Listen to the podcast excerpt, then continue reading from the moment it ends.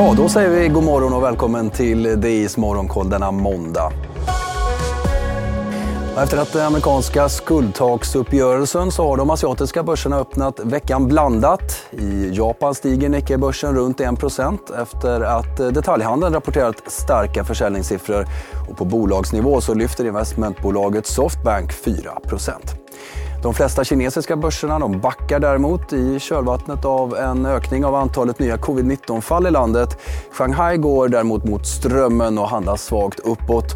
Värt att notera från Hongkong är att gamingbolaget NetEase rusar 8% så till USA då, där både president Joe Biden och många investerare pustar ut efter den viktiga nyheten om att ett principavtal då nåtts gällande landets skuldtak. Genombrottet bekräftades under natten till söndagen av representanthusets talman Kevin McCarthy och allt talar nu för att man i sista stund lyckats undvika stor ekonomisk turbulens i både USA och resten av världen. Terminerna i USA ja, de pekar efter beskedet uppåt, men där håller börserna stängt på grund av Memorial Day.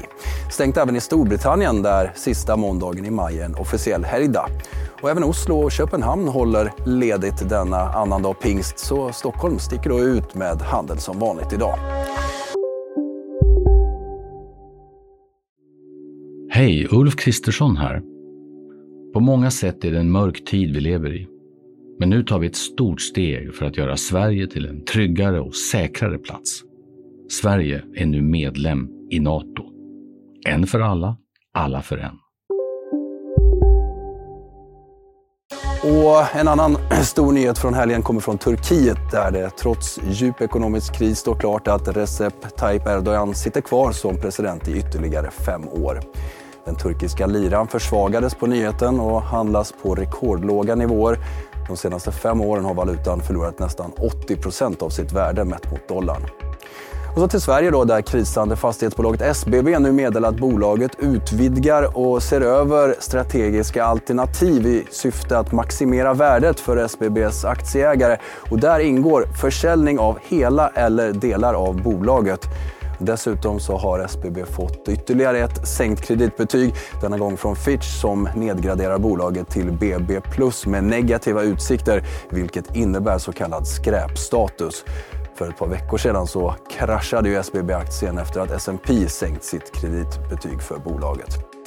I övrigt då en lugn dag när det gäller bolagsnyheter. På dagens makroagenda så kommer nu på morgonen ny statistik över utlåningen till de svenska hushållen. I mars noterades den lägsta takten sedan SCBs mätningar startade 2007 och nu kommer alltså siffrorna för april. Så missa inte att följa det i våra sändningar. Närmast så har ni ju Börsmorgon som startar kvart i nio. Vi önskar er en trevlig handelsdag.